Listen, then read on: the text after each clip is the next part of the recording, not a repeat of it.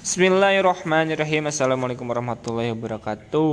Kembali lagi di case-nya Tegar Sebagja Muda Berbicara FM uh, Sekarang uh, Moderator atau Yang nanya-nanya bukan Tegar Subagja sebagai Yang nanya-nanya Tapi sekarang Yang menjadi narasumber Yang punya podcast ini yaitu Tegar Subagja sebagai uh, pecandu garpit mungkin ya.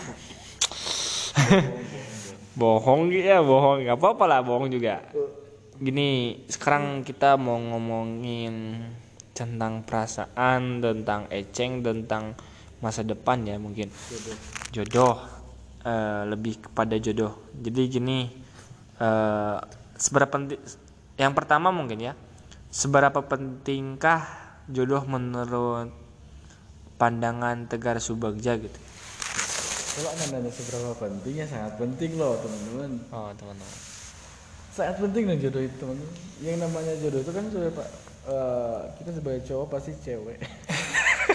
Pasangannya maksudnya. Yang bener dong. Itu jodoh kalau ditanya seberapa pentingnya sangat penting. Ya tadi balik lagi di episode sebelumnya ketika kita hmm, ditanya seberapa penting jodoh ya sangat penting. Karena sangat banyak alasan. Ketika kita punya jodoh kita seolah-olah bukan seolah-olah emang terikat. Justru dengan kita punya jodoh kita lebih semangat lebih bergairah lebih uh, senang lebih bahagia. Karena jodoh. Dan karena jodoh pun uh, psikis kita mental kita pemikiran kita bakalan jauh lebih uh, dewasa, lebih integritasnya lebih tinggi. His ngomongin integritas nih, suka tanggung suka. jawabnya suka. lebih besar, itu ngomongin jodoh. Sangat penting itu yuk. Dan jodoh dan kalau ngomongin jodoh, mungkin orang yang namanya jodoh itu kan uh, udah terikat dalam sebuah pernikahan. Itu jodoh namanya. Kalau misalnya pacaran ya belum lah belum jodoh itu mah. Belum tentu jodoh. Disebut jodoh. Karena sudah ada perintahkan pernikahan dan itu jadi pasangan kalian pasangan hidup mati kalian. Jadi nih bang maaf potong. itu penting. Sangat penting. Uh, ngomong-ngomong jodoh yang penting katanya ya penting katanya. Kita ngomong-ngomong penting seberapa penting lagi. Bukan. Seberapa kriteria apa sih maksudnya? Apa sih kriteria yang uh, Bang Tegar suka teh apa sih gitu? Dari segi ceweknya gitu jodohnya gitu jodoh cewek. Hmm. nah ini yo uh, pertanyaan ini yang memang membuat orang-orang uh, karena terlalu kekriteriaan makanya jodohnya itu susah tapi kan harus ada tolak ukur, Pak. Ya, makanya santuy dulu dong. Oh, santuy. belum jawab, Oh iya. iya. Oh. Soalnya bersemangat kalau ngomongin jodoh. Ya. Uh, apa tadi lupa? ya, itu. Terlalu makanya ketika orang sebagian orang uh, bilang bahwasanya kok gue belum ada jodoh-jodoh nih padahal udah usia uh, 35 misalnya. 30 lah 28 misalnya. Kok gue belum ada jodoh-jodoh ya? Pertama memang ada beberapa faktor. Beberapa faktor yang maksudnya menyebabkan anda terhambat dalam sebuah pernikahan atau uh, dapat jodoh. Salah satu nak salah satunya karena dia tadi nanya kriteria ya salah satunya itu terlalu kriteriaan tentang mencari ceweknya. Kriterianya spesifik. Gue tuh pengen misal nih gue tuh pengen uh, ceweknya tuh pengen cantik hidungnya mancung bibirnya tipis celina rebi. Nah itu kurang lebih contohnya kayak gitu spesifiknya. Terus kayak misalnya uh, bobot bobot keturunan bibit, eh, bibit bobot? bibit keturunannya harus dari raja misalnya dari presiden misalnya kalau misalnya gak itu gak ada semua itu gua gak mau dah padahal dia cantik misalnya tapi karena uh, ada salah satu kriteria yang spesifik terlalu spesifik yaitu yang membuat uh, jodoh jadi terhambat. Kalau berbicara tentang secara konkretnya kriteria jodoh seperti apa sih yang gue nih karena ternyata nanya personal ke gue? Pertama kita sepakat kalau cowok bahkan yang hadis juga disebutkan bahwa uh, kita melihat seorang pasangan yang akan jadi pasangan kita itu dari mukanya sama telapak tangan. Muka di sini adalah didefinisikan ditafsirkan, ditafsirkan yaitu kecantikannya. Pertama kecantikan. Kedua kalau dari gue nih ya kecantikan. Tapi gue gak terlalu spesifik yang kayak tadi cantiknya tuh harus matanya blow hidungnya mancung misalnya pipinya cabi. Bohai ya. Uh, bohai dan sebagainya. Gak cantik di sini tuh luas lah dan uh, mungkin definisi cantik mah bakalan berbeda. Menurut gue kayak kumaha cantik tuh soalnya kia langsung senang ngomongin gelis itunya cik sirio mah itu ya gelis gitu. Tapi cik kurang udah biasa terjadi gitu deh. Jadi perspektif perspektif tentang kecantikannya beda-beda gitu. Uh, sih. Boleh jadi gar ya orang menang awal ini Instagram Gelis, eh. Instagram, Instagram, tapi nah, Instagram. Eh, tapi nabi sih kurang mah biasa gitu.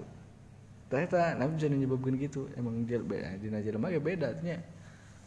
Nah, nah otak pemikiran itu pasti bakalan beda. Aku mah orang uh, orang kan mandang dan sebagainya. Eh, pertama itu kecantikan karena Rio tadi ngomong eh nanya iya gitu nanya tentang kriteria ya mau gak mau gue harus coba jawab sama adanya. Dan jujur jujur jujur. Hmm, kedua kecantikan. Oke tadi yang pertama kecantikan kalau dari gue. Dan gue tekanin lagi uh, buat teman-teman bahwa kecantikan itu uh, gimana cara orang memandangnya. Dan memang perspektifnya emang beda-beda kayak tadi menurut Rio emang dia tuh cantik tapi menurut gue biasa-biasa aja. Dan cantik itu ya emang relatif. Terus kedua dari akhlaknya kenapa gue pilih akhlak karena akhlak ini mencakup semuanya. Mulai dari kedisiplinan mulai dari uh, etika kita etika si cewek ke kita etika cewek kita ke keluarga ke orang lain dan lain sebagainya ahlak itu mencakup semuanya loh. Ahlak kita uh, jadi tanggung jawab juga masuk ahlak dan lain sebagainya. Itu ahlak. Dan yang ketiga adalah berkarakter. Cewek itu kalau gue sih pengennya ceweknya berkarakter dan emang dan kalau ngomongin karakter mah jauh sangat jauh lah sangat luas. Karakternya seperti apa dan lain sebagainya. Yang paling penting sih agama ya. Agama kita harus seiman walaupun sekamar. cinta-cintanya kita ke orang tersebut ke cewek tersebut yang akan jadi pilihan kita untuk uh, menikah. Kalau misalnya kita gak seagama gak seiman ya Allah gak akan nerima pernikahan kita walaupun sah secara hukum tapi gak sah secara agama. Makanya itu yang harus uh, diperhatikan betul-betul teman-teman. Itu bahaya loh uh, pernikahan antara orang Islam dengan orang kafir gitu. tapi hmm, kalau dalam Al-Quran sih boleh aja kafir tapi yang ahli kitab itu bisa. Gitu yo. Kalau misalnya kriteria. Sekarang mau nanya lagi sih bang. Sing banyak yo. Jadi ini teman-teman yang uh, penasaran bisa saja pertanyaan teman-teman bisa mewakili semoga ya. Jadi gini Bang Tegar. Uh, penting nggak gitulah Enggak. kriteria pendidikan sang istri hmm. di mata Tegar Subagja gitu lah. Hmm. Apakah penting untuk sang anak suatu saat nanti bahwa kelak ibu menjadi guru dari anak-anaknya gitu kan tadi menyinggung tentang karakter nih karena ya semakin tinggi pendidikan mungkin pandangan orang semakin berkarakter gitu hmm. maka hmm. penting atau tidak hmm. kalau ngomongin kriteria cewek uh, tentang pendidikannya orang bakal berbeda, berbeda eh, sudut pandang dan gue bakal ngomong kalau pendidikan buat si cewek ya sangat penting. Dan pendidikan ini nggak eh, kalian nggak harus mikir klasik artinya dan memikirkan pendidikan sesempit itu bahwa pendidikan itu harus eh, pokoknya harus kuliah ceweknya harus punya eh, kuliah harus sarjana harus S2 harus S3 kalau gak S3 eh, gue gak akan nikah sama dia dan sebagainya ya sebetulnya kalau misalnya kita berbicara tentang pendidikan sangat luas karena pendidikan itu ada di dalam kelas dan di luar kelas. Wis, wadidaw suka dan nih. boleh jadi mm, pendidikan itu kan tujuannya atau orientasinya jelas kita eh, nambah ilmu. Kita punya ilmu kita cari ilmu. Itu orientasinya bukan cari gelar pu- bukan cari eh, sertifikasi jasa dan sebagainya. Enggak itu adalah sebagai bentuk apa ya penghargaan lah boarding selama kita eh, perjalanan berjuang selama pendidikannya kayak gitu. Itu sebagai bentuk apresiasi kepada yang berjuang di pendidikan. Jadi makanya eh, yang penting dia pendidikannya tuh eh, dia pengen terus belajar. Dan belajar itu gak harus di ruangan saja gak harus difasilitasi di pendidikannya Bisa juga ikut pengajian ya. Itu Nah. bagian dari pembelajaran kali ya. Nah, karena justru boleh jadi yuk zaman sekarang justru yang memang pen- berpendidikan di dunia eh, benar-benar berpendidikan di fasilitasi di kampus dan sebagainya justru malah kalah dengan bukan malah kalah ya justru bakal malah eh, kok masih ada ya gitu yang masih juga yang tidak berpendidikan di kampus juga misalnya teh. Misal sama SMA sampai SMA atau sampai SMP justru dia lebih berilmu dia lebih paham eh, bagaimana kita mm, cara mengurus anak. Misalnya kalau misalnya kita ngomongin jodoh tadi cara mengurus anak cara Berkeluarga anak, ya? cara berkeluarganya cara bagaimana kita sikap ke suami dan itu sebetulnya bakalan bisa dikejar dan justru malah ya tadi karena eh, pendidikan itu gak harus memandang seberapa tinggi status kalian selanjutnya gitu loh teman. Mungkin boleh jadi yang SM, keluaran SMA keluaran SMK yang memang gak dilanjutin justru itu lebih produk eh, lebih kreatif lebih inovatif lebih keibuan misalnya lebih berkarakter dan sebagainya. Dan bagi gue eh, apa eh, gimana sih cewek yang gak berpendidikan itu? Manusia yang gak berpendidikan itu seperti apa? Itu pertanyaannya mungkin ya. Dan gue gak bakalan gak bisa jawab tentang hal itu. Hmm. cewek yang gak berpendidikan itu seperti apa gitu? Karena ya mungkin mikirnya jangan sesempit itu karena pendidikan itu harus ke kampus nih harus punya sarjana nih. Enggak deh. Karena gue gak tahu nih orang atau manusia yang gak berpendidikan seperti apa.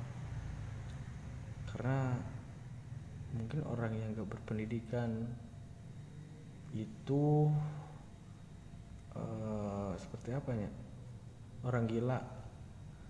Gak berpendidikan. Kalau misalnya gilanya full ya dia gak akan berpendidikan. Tapi kalau misalnya gilanya 70% dia seolah-olah bakalan bisa eh, jadi terdidik jadi punya status pendidikan. Misalnya orang gila itu meniru kita sesuatu hal yang baik itu boleh jadi bisa disebut pendidikan. Makanya luas banget kalau misalnya kita berbicara pendidikan. Dan ya itu pendidikan tuh sangat penting lah artinya keinginan ter- keinginan eh, keinginan terus menerus untuk belajar mencari ilmu itu pendidikan. Dan tidak harus di dalam ruangan yang ber AC ruangan yang berkipas angin Wis. ruangan yang penuh monitor penuh kursi dan sebagainya. Enggak dong. Karena di zaman sekarang malah kita serba digitalisasi kita bisa memanfaatkan internet tuh bisa memanfaatkan website Google dan lain sebagainya. Ditanya ke Google itu mencari ilmu dan itu sangat berpendidikan. Makanya kita gak boleh memikir sesempit itu. Terus mau nanya nih targetan tegar sendiri untuk nikah. Jangan ayeuna bulan harap lu berapa gitu? Usia berapa?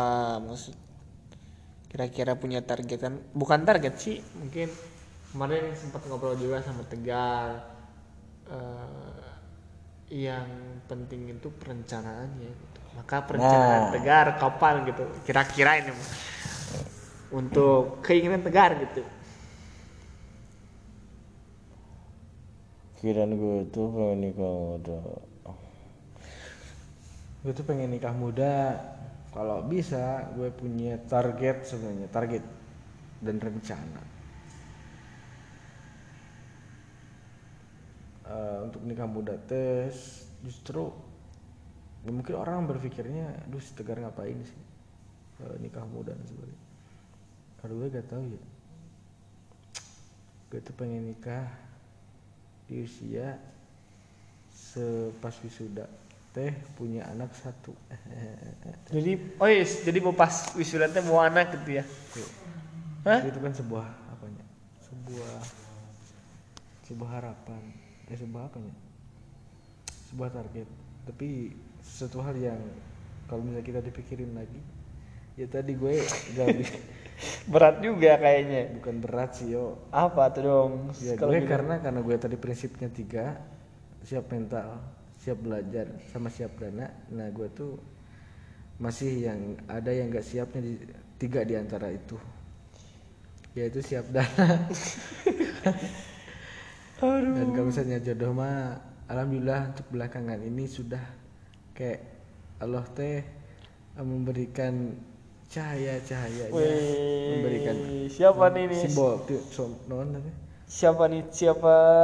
Tombol-tombol eh apa sih? Simbol-simbolnya eh lampu-lampunya.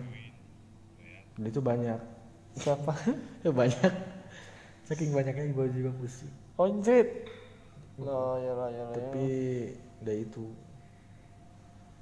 Nggak siap dana apalagi zaman sekarang gitu yang hidup gengsian pengennya nikah teh banyak hmm, diresepsiin. Nikah teh pengen digedein resepsinya Tapi kan pengen it- bagus-bagus. Maaf sih maaf tapi kan Ya, itu gengsi. suatu kebanggaan bagi orang tuanya gitu bahwa menunjukkan eh ini anak anak anak orang atau anak kita yang sudah menikah gitu. Ya, paham. Eh, pokoknya kalau misalnya nikah mah sebenarnya cukup simpel banget. Cuman ijab kabul doang ya udah kelar. Tapi ada hadis yang menyebutkan kalau misalnya mau nikah maka harus diramekan. Aduh, diramekan bahasa hadisnya lupa, tapi diramekan. Kenapa harus diramein dalam bahasa diramein itu ya dia harus di resepsi pernikahannya harus diresepsiin dan sebagainya. Itu maksudnya kenapa? Karena e, biar tidak ada timbul fitnah dari orang lain dari teman-teman kita. Kalau misalnya kita nikah cuman hanya nikah e, keluarga doang tidak diresepsiin tidak ngundang orang lain tidak mengumumkannya justru itu akan menimbulkan fitnah timbul prasangka buruk. Dia tuh udah nikah atau belumnya kok dia gandengan tangan kok dia punya udah punya anak kok gak tahu ya nikahnya? Karena ya tadi teh gak diresepsiin makanya harus diramein agar tidak menimbulkan sesuatu yang fitnah bagi orang lain bagi orang masya- eh, bagi masyarakat umum. Makanya harus diresepsiin pernikahannya. Hmm, ya, ya. dan kalau berbicara resepsi nikah aduh dananya luar gede hmm, gitu hidupnya gengsi karena orang mah mau diresepsiin atau enggak juga pasti bakal nilai ngelihat goreng alusnya itu yang namanya zaman sekarang jelma teh. Kalau Tapi nih eh, kan hakikatnya manusia itu kan makhluk sosial yang selalu berubah berubah Hmm. artinya ya. Tak lepas dari waktu dan pengalaman gitu ya. Hmm. Adakah mungkin ini berandai-andai bisakah kriteria yang tidak eh, yang tiga atau atau Hmm. prinsip yang tiga itu bisa berkurang atau bertambah Hmm. atau berubah kayak bisa mungkin bisa berubah gitu karena melihat realita keadaan dunia gitu itu bang. Gak paham? Pertanyaannya yuk. Serius. Gak nangkep. jadi gini eh, Kata-katanya dialusin lagi. dibagusin, dibagusin. kan tadi ada tiga prinsip yang Yes. dipegang teguh oleh bang Tegar kan? Hmm. dan hakikatnya manusia itu makhluk sosial yang selalu berubah dan itu berubah dipengaruhi oleh ilmu Hmm. oleh pengalaman oleh umur dan lain-lain Hmm. Eh, mungkinkah gitu ya tiga prinsip itu bisa bertambah berkurang ataupun berubah Itu doang. iya gitu kan Mungkinkah? Ya mungkin lah. mungkin kan Kita hidup tuh dengan waktu. Kita itu hidup dengan waktu dan sebenarnya jawabannya udah disebut oleh Rio tadi pertama bahwa hakikatnya manusia itu adalah selalu berubah. ya kan Itu jawabannya dong. jikalau Berarti kalau misalnya ente Eh, ngomong jikalau. mungkin atau enggak, ya mungkin karena tadi hakikat manusianya adalah manusia itu adalah selalu berubah. ya jikalau gitu ya jikalau mem- mem- sangat idealisnya Tegar Subagja gitu. Hmm. bisa memegang teguh Makanya kalau misalnya kita udah ada ikatan pernikahan yang kalau misalnya kita tadi dipegang tiga prinsip tadi bisa berubah atau tidak? Ya bisa jadi mungkin pasti bakalan berubah. Contoh. Mungkin kan. Siap mental. Mental tuh luas sih luas ketika kita dibebani sebuah permasalahan dalam rumah tangga mungkin awal-awal ya memang eh, kita berusaha untuk eh, meminimalisir atau menyelesaikan masalah tersebut. Mungkin boleh jadi setahun ke depan dua tahun ke depan eh, prinsip itu gak jadi dipegang nggak biasa-biasa baik. Terus dana dana apalagi? Ekonomi kadang naik turun. Pasti. Makanya harus siap dengan hal itu. Ekonomi. Terus keinginan terus belajar. Bisa jadi pastilah. Mungkin awal-awal pernikahan keinginan terus belajar pasti oh cari tahu informasi dan sebagainya. Tapi setahun kemudian misalnya dua tahun kemudian kok jadi malas belajar? Belajar teh dan kalau ditanya mungkin ya mungkin lah pasti bakal ada eh, sesuatu yang berubah karena kita hidup dengan sebuah ujian dan cobaan hidup itu gak mudah tapi hidup itu bisa mudah kalau misalnya kita punya lihat yaitu ada dua bangkit Wih. bangkit memberikan sebuah keputusan yang terbaik untuk masa depan atau menyerah eh, yang justru akan membuat sebuah berantakan bahkan keresahan anjir aku statusnya. Itu kalau itu ada lagi? Nggak ada? Ya udah. Cukup sekian dulu mungkin Eh, karena Rio bingung pertanyaan tentang seputar nikah. Gue bakalan tanya balik. Wak wak wak wak aduh aduh aduh aduh aduh aduh aduh. Karena pertanyaan pertama Rio tadi tentang kriteria Terus menurut Rio kriteria seperti apa mau Eh, Rio mencari sosok eh, pendamping hidup eh, nanti. Hmm, untuk saat ini untuk saat ini untuk saat ini kan tadi ngomong bener sih cantik itu. Tapi cantik menurut saya sangat luas. Cantik berpenampilan. Cantik fisik mungkin cantik badan bisa. Kriteria saya pintar dan pintar itu artian bukan pintar bisa akademis bisa. Pintar masak iya. Pintar mengelola pengua- keuangan iya. Ya pastilah soleha. Soleh soleha pasti nomor yang paling depan gitu itu lah paling Iya sih. iya.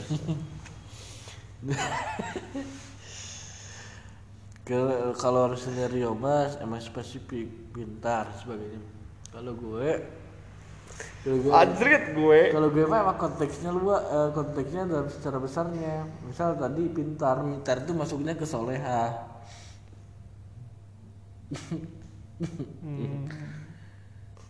Karena baik untuk diri sendiri. Artinya keinginan untuk uh, lebih menjadi lebih baik itu kan luar biasa.